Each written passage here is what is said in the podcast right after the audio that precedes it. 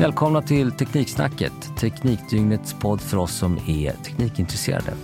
Normalt brukar vi ha bolag och gäster här som har direkt koppling till teknik och samhällsbyggarbranschen.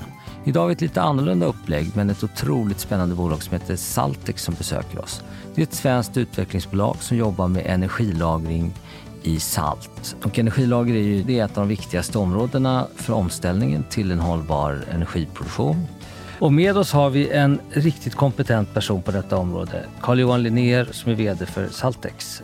Berätta om din kompetens inom området. Ja, tack för den introduktionen Mats. Eh, trevligt. Min kompetens består väl att jag har varit inom elbranschen under ganska lång tid inom ett eh, elektriskt företag som heter ABB och eh, har jobbat där inom olika positioner och har då tagit vid rodret här på Saltex då sedan ett år tillbaka i tiden. Och det känns jättekul att få vara med ombord. Ja, om vi börjar med Saltex då. då. Det är ett utvecklingsbolag som, som har tagit fram ett patenterat så kallat nanocoatat salt. Och i det här kan man, saltet kan man lagra termisk energi. Innan vi kastar oss in i alla detaljer, kort, hur fungerar det här med energilagring i nanocoatat salt? Energilagret som vi jobbar med består av fyra viktiga delar. Det ena är då en reaktor som laddar saltet och en annan reaktor som laddar ur. Och två silosar då, som med tillhörande.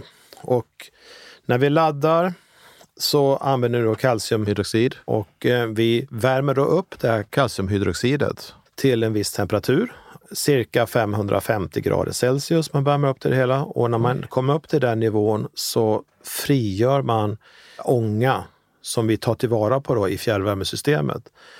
När H2O försvinner ifrån CaOH2 så blir det då kvar CaO, kalciumoxid. Och kalciumoxidet, det är då laddat. Det är då fullt med energi och det transporteras över då till en annan silo som ligger där. Och när vi då ska frigöra den energin ut ifrån kalciumoxidet så tillför vi en, en viss mängd med ånga strax över 100 grader. Och när vi gör det så blir det en reaktion på kalciumoxidet som frigör väldigt mycket 500-550 grader ånga som kommer ut till fjärrvärmesystemet. Och då blir det kalciumhydroxid igen och sen går det runt igen och kan man ladda upp det en gång till. Men nu kan man ju säga att vi kan ju inte föra ut 550 grader ånga i fjärrvärmesystemet utan det, det sjuntar vi då ner så att säga så att det kommer ner till 100-120 grader som det är i Berlinfallet. Då. Och då vill man då så kan man också använda del av den här ångan som vi frigör till en um, turbin och göra el av det också. Det är ett systemtänk runt det hela, men det bygger på den här tekniken som är ganska välbekant, eller den är välbekant. Vad vi har lyckats med det är ju att vi har lagt in en en nanobetäckt kalciumhydroxid som gör att den inte klibbar ihop sig, att den inte agglomereras. Vi säger. Det är det som är själva nyckeln i det. Och därmed kan man använda det i stort sett hur många gånger som helst? Det kan man använda hur många gånger som helst, ja. Så det är en cirkulär ekonomi kan du säga. Och vad är det som gör det här så speciellt? Ja, det behövs ju mer och mer energilager, ju mer eh, förnyelsebar energi som vi, vi skaffar oss i, i, i Sverige och i, i världen. Det som är unikt med oss är väl kan man säga då att det är ett termokemiskt energilager, vilket gör att det, vad brukar säga, det är icke-sensibelt. Och vad det innebär är ju då att den behåller energimängden oavsett tid egentligen. Ett, eh, tar du ett litiumjonbatteri till din iPhone eller din telefon och har den avslagen så försämras ju den om den ligger avslagen. Men vi bevarar vår energi i den här kemiska processen och kan lagra då en dag, en vecka, en månad och ha samma energimängd kvar. Och Saltex har ju hållit på ganska länge. Man raljerar lite, vinglat fram och tillbaka med olika applikationsområden. Men, mm. men, när du tog över rodret så bestämde du ledningen och styrelsen för att satsa på storskalig energi. Varför då? Det var som du säger, det var lite vingligt och det var lite vildvuxet. Vi höll på inom olika produktområden och eh, hade väl ärligt talat inte riktigt eh, kapaciteten att eh, fokusera på någonting ordentligt. Och vad vi bestämde då när jag började, och det var till viss del redan bestämt också av styrelsen, var ju då att nej, nu fokuserar vi på det som är störst och det som är störst upp efterfrågan på och eh, stor potential. Utan tvekan så är det ju då energilager som kommer att eh, efterfrågas väldigt mycket idag och framförallt imorgon.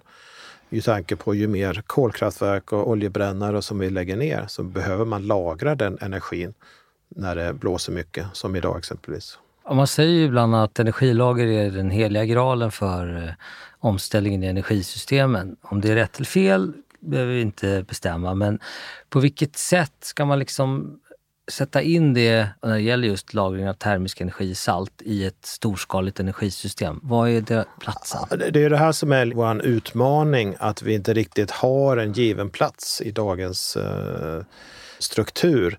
Vi bryter ny mark, vi letar efter applikationsområde och eh, det här är ett eh, systemtänkande som man måste få till när man då använder verkligen den bästa tekniken för den bästa applikationen och eh, ser över helheten. Det är ju så att det finns ju jättemånga fina, bra bolag, startupbolag och även bolag som har funnits med en, en tid, precis som vi, som har en unik lösning, men de tittar väldigt ofta på lite av en stuprörskaraktär brukar jag säga, då, att man har sitt stuprör att titta på. Men jag tror ju att det här, om vi ska få till den här omställningen fullt ut, som vi har påbörjat faktiskt ganska bra, tycker jag, så måste du ha ett helhetstänk. Du måste utnyttja liksom alla tekniska innovationer som finns där ute och du måste ha ett samarbete mellan liksom industrin och kraftbolag och sådana saker för att det här verkligen ska kunna gå igenom.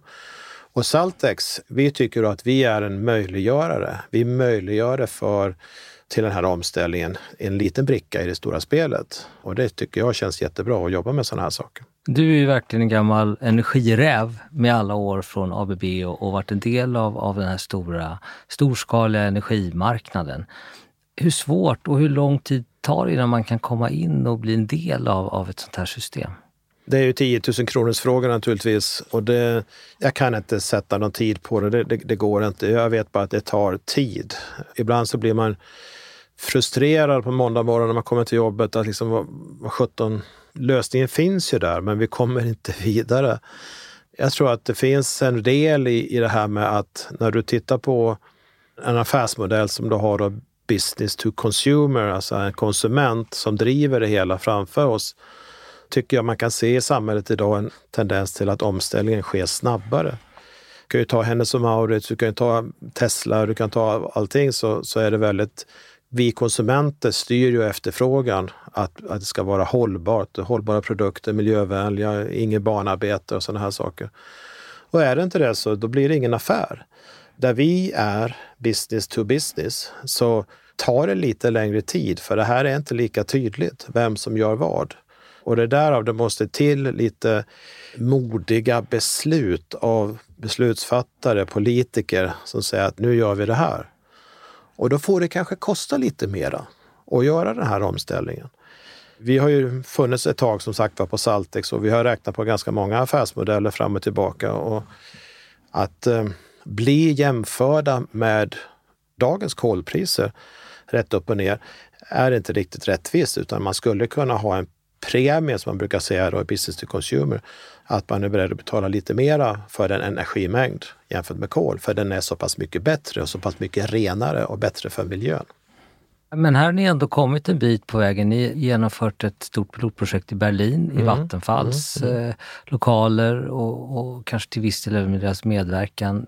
Skulle det kunna vara en genombrott om Vattenfall börjar eh, använda Saltex lösning för att lagra energi. Vi var ju ganska tuffa här och gick ut och, och körde igång den här anläggningen i fullskala 6 april 2019 så körde vi igång den här. Och vad vi ville visa med den fullskaliga modellen, eller fullskaliga energilagret, var ju då att den här termisk-kemiska processen fungerar. Och det visade sig då att den fungerar väldigt bra. Resultatet var lovande. Vi har ju då till stor del kört det här egna personalstyrka och egna, egna pengar för den delen också. Vi är just nu i diskussioner med Vattenfall igen om att kunna inleda ett, eh, ett samarbete där vi då tänker oss att vi ska kunna optimera den befintliga anläggning som vi har i Berlin idag, för det, den fungerar bra. Men sätta in en annan typ av eh, reaktor, framförallt då i urladdningsprocessen och kunna öka effektiviteten och eh, få ner kostnaderna också. Vi är inte riktigt där ännu. Jag önskar jag kunde säga det, men det kan jag inte göra idag. Hur stora kan man göra sådana här anläggningar? Det som är begränsande är väl egentligen hur, hur stora eh, silosar och hur mycket salt man kan använda sig på. Men eh, anläggningen i Berlin är väl är 0,5 megawatt och eh, jag tror att vi skulle kunna klara av en, eh, inte på en gång, vi vill nog ta det här i steg, men nästa steg är nog en 10 megawatts eh, energilager och därefter så kan du sätta till en nolla till, kanske efter också 100 megawatt. Det är svårt att säga förrän man vet uppe på 10 megawatt hur långt man kan gå. Men den tekniken vi jobbar med, så kallade fluorescerande bäddar i reaktorn, är väldigt lämplig för att skala uppåt. Så det kan få en rejäl betydelse? Ja, det kan du få. Absolut. Idag har ni ju tre partners, eh, en i Tyskland, en i Spanien och en i Kina. Ja. Jobbar de här ungefär på samma sätt?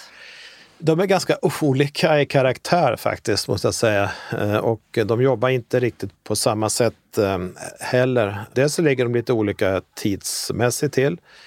De är, vill gärna ha sin egen lösning på... Det kritiska är själva reaktorn här, hur man laddar och laddar ur. Inerco i Spanien jobbar med en egen lösning och eh, vi har ett samarbete med dem. De tittar då på vilka lösningar som vi jobbar med. Och eh, så, jag ska inte säga att det är tävling på något sätt, men det, vi jämför resultaten oss emellan och eh, ser vad som blir bäst. Och, och, det vet vi inte ännu riktigt.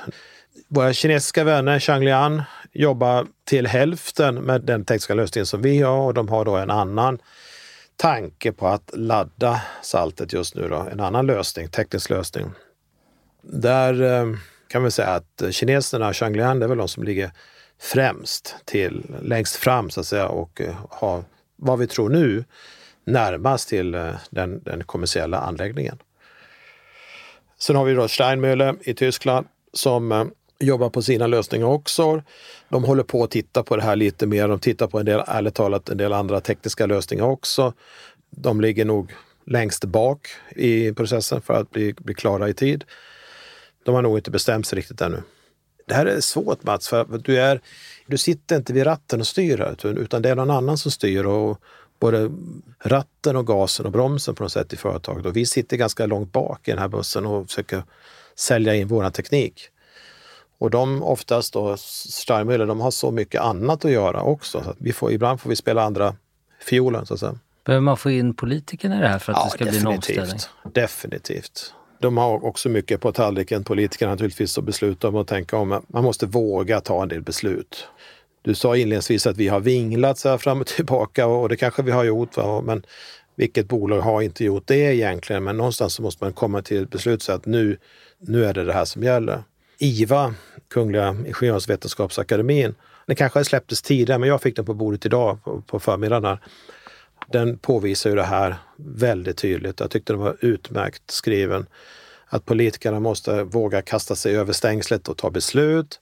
Vi måste ha samverkan, en global samverkan mellan industrin och politikerna måste liksom ta beslut. Många tekniska lösningar finns och vissa material, typ biomassan, kommer kanske bli en bristvara framöver och då måste man ha någon annan lösning på att lagra energi. Det finns många saker att ta tag i. Det är ju inte så många år kvar, det beror lite grann på vad man tror, men, men säg att det är någonstans mellan 10 och 30 år, tror de flesta forskarna. Och då måste det ju ske ganska radikala omställningar. IVA-rapporten slår ju fast i sin sammanfattning som jag hann med att läsa i alla fall, att om Sverige kör vidare i den här takten som man gör idag så kommer man definitivt inte att nå sina klimatmål.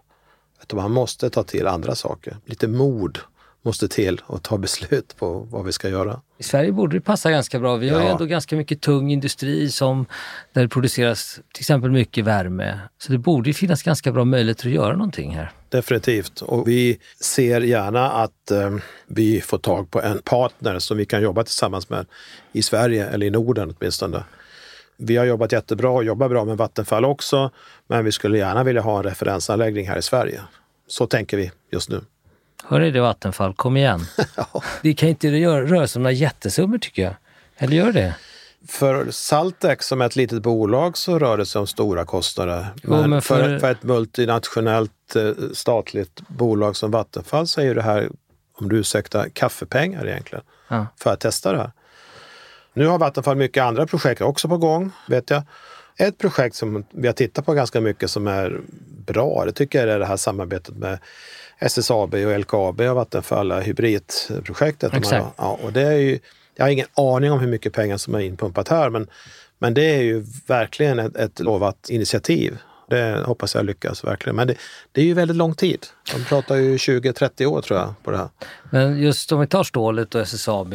Stålet är väl nästan den största koldioxidboven vi har. Ja, Man borde åtminstone kunna markera att man är, verkligen tar frågorna på allvar genom att och även satsa på utvecklingsbolag. mm. ja, sista ordet är inte sagt med Vattenfall. Du får hjälpa till där om du kan Mats. Ja, jag, jag vet inte just vad jag ska göra men, men eh, vi har ju många lyssnare bland Sveriges teknikkonsulter och teknikkonsulterna är ju inblandade i eh, att hjälpa svensk industri i den omställningen och, och vi har otroligt duktiga svenska teknikkonsultbolag. Jag menar, vi har två av Europas största, Afry och vi har Sweco och sen har vi andra stora svenska bolag som är faktiskt internationella.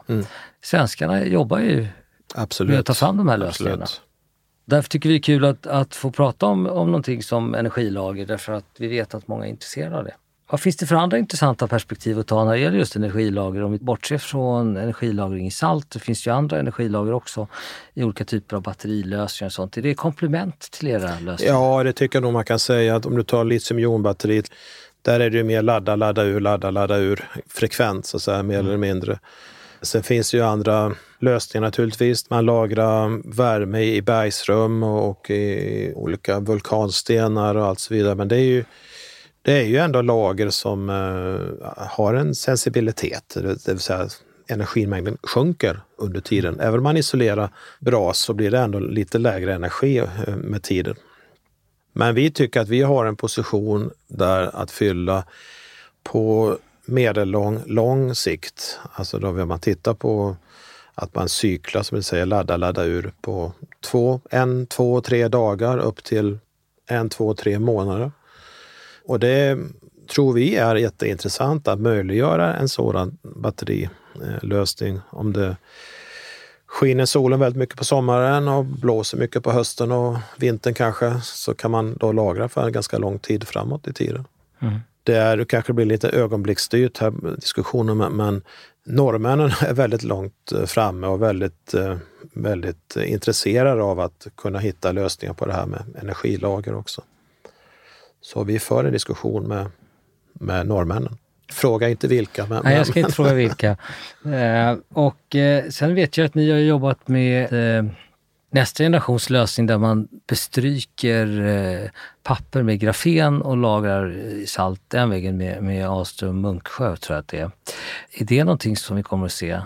Vi för den diskussionen med Ahlström Munksjö just nu också och eh, vi kan väl konstatera att, att den här storskaligheten som jag nämnde med våra andra applikationer med fluorescerande bäddar, den finns inte riktigt där på grafen. Utan det här, ska vi göra någonting med grafen så är det mindre batterier, lägre kapacitet. Och det här eh, har vi inte riktigt satt ner foten ännu på och bestämt oss hur vi ska göra. Nu har ni ju valt att inte jobba mot konsumentmarknaden. Kan man tänka sig att eh, det kan återuppväckas eller? Den erfarenheten som jag har inom den sidan är att definitivt inte gå in på konsumentsidan. Det är väldigt mycket produktcertifieringar, produktansvar, kanaler ut på marknaden som ska tjäna pengar. Eh, Den kapaciteten har vi inte. Jag tror att våran plats är i storskalighet. Nästan, ju större energilager desto bättre tror jag att vi passar oss. Vi går mer och mer åt det hållet. Kan man tänka sig flyttbara energilager? tekniken möjliggör det idag. Det är en, en intressant lösning, men vi håller just nu på att fokusera oss på den typ tekniska lösningen med uppdaterad Berlinanläggning. Då. Vi kallar för Berlin 2.0 där vi då har en annan typ av reaktor. Men flyttbarheten finns med där framöver, absolut. Kommer vi se, veta mer under det här året tror du? Eller? Ja, absolut, kommer vi göra. Vi är bara inne i mitten på februari ännu så att det finns många månader kvar. Och när tror du att vi får se något mer storskaligt i drift, i liksom i mer vardaglig drift? Vi har ju sagt från början att, att vi, målet är att vi ska ha en prekommersialiserad anläggning i drift 2020. Det håller vi fast vid. Det tror vi på. Men vi nöjer oss inte riktigt med det utan vi vill gärna sikta lite över det. Kan vi få till ett samarbete och kanske påbörja en installation det här året utöver det så tror jag det vore väldigt bra. Vi behöver hjälp. Finns det några partners där ute som är intresserade av att hjälpa till så... Ja, hör ni det teknikkonsulter? Träd fram. Det här kanske är en spännande lösning som ni kan vara med och bidra med. Och jag vet ju att det är många som vill bidra. Vad vi behöver hjälp med det är att bygga själva anläggningen som baserar sig på vår teknik, på vårt nanocoatat salt. Vi har en nära en väldigt bra lösning nu tillsammans med fluorescerande bädd, men det är så mycket annat som måste till i en sån här anläggning. Det är silosar och det är transportband och det är liksom för att det här ska fungera. Sen vill ju vi ansluta oss då till, precis som vi gör i Berlin, vi vill ju ansluta oss till fjärrvärmesystem i, runt om i Sverige eller Norden då, för att kunna få ut den här värmen som, och värma hushållen. Och den, hela den området där tror jag att vi ska ha professionell hjälp med att sköta. I Berlin så gjorde vi det själva med lite konsult och så vidare, men det blev dyrt, det tog lång tid och allt möjligt så att vi tror att vi behöver någon stark partner här som kan ställa upp. Så när man har klart en bra pilotanläggning så borde det kunna gå hyggligt fort att rulla ut? Oh, hyggligt fort vet jag inte, men, men snabbare, snabbare definitivt. Ja. Ju fler man gör desto ja, fortare borde det rimligtvis gå. Så är det ju. Sen är ju en önskemål kanske, om man får drömma lite framåt här, att, man, att vi har någon typ av eh, lösning, alltså någon plattform då kanske med någon typ av containerlösningar som man kan då koppla ihop på sajten. Men nu är jag inne på min önskelista här. Ja, men dröm fritt. Mm. Vi behöver drömma fritt om den här omställningen ska kunna gå på det sättet För som vi man, hoppas. Kan man serieproducera det här lite mer någon, på något lämpligt ställe och sen transportera ut de här containrarna och koppla ihop dem med en, en laddningsstation, en urladdningsstation, en silo med eh, nanocoatat salt för, för att ladda och en för urladdat. Två silos så skulle själva installationsjobbet på sajten gå mycket snabbare och bli säkrare och kvalitetssäkrare och alltihopa den biten. Ja, det här är ohyggligt spännande. Har ni några andra utvecklingsbolag som ni samarbetar med när det gäller de här frågorna? Vi känner det som att vi är, vi är på väg på något tåg här som rusar fram allt snabbare. På det här tåget och så finns det olika samarbetspartner. Vi, vi jobbar just nu ganska mycket med TUM, heter de. Det är Tekniska universitetet i München som hjälper oss att verifiera den här tekniken. Och vi jobbar givetvis mycket med Stockholm här med KTH och Stockholms universitet bland annat. Vi har vissa kontakter med Chalmers men inte så mycket som med Stockholm. Sen finns det en del väldigt, väldigt duktiga specialister som inom det här området som vi har knutit oss till. Och det tycker vi känns jättebra. Men det är på personnivå. Nu tog ni in lite kapital här förra året. Mm. Eh, anställer ni även studenter som är intresserade av det här? Saltex har ett jättestort brand där ute och vi får väldigt mycket förfrågningar faktiskt på det här. Vi får frågningar från studenter och både från eh, civilingenjörer som studerar och som vill komma till oss och jobba på sommaren och sådana saker. Vi kommer ta in några stycken nu i sommar för att jobba med testriggar och köra proven även på sommaren när vi är lediga. Men vi kan inte ta in hur mycket som helst heller för det tar resurser också. Så naturligtvis är det bara att sätta igång dem. Vi är i början av eh, år 2020. Om du får önska dig en sak under året, vad önskar du då? Jag skulle önska mig att vi hittade tillsammans med någon professionell industriell partner som vi kunde samarbeta med i Sverige. Och då menar jag verkligen som har ett stort behov av det här. Det kan vara en eh, industriell byggare av ett eh, energilager, men det kan också vara någon typ av industri som har ett stort behov av energilager. Om man har någon idé, ska man kontakta dig då? Ja, absolut. ska man göra. Då går man in på Saltex hemsida mm. och så kontaktar man Carl-Johan Linnér. Yes, välkomna. Vi börjar närma oss slutet för det här avsnittet av Tekniksnacket. Det har varit otroligt intressant att höra var ni står när det gäller energilagring som faktiskt är en av de stora nyckelfrågorna i vår omställning. Vi kommer att få ta del av dina kunskaper regelbundet här i Tekniksnacket. Mm. Eh, så välkommen tillbaka Carl-Johan Linnér. Tack själv. Tack. Trevligt. Tack så mycket.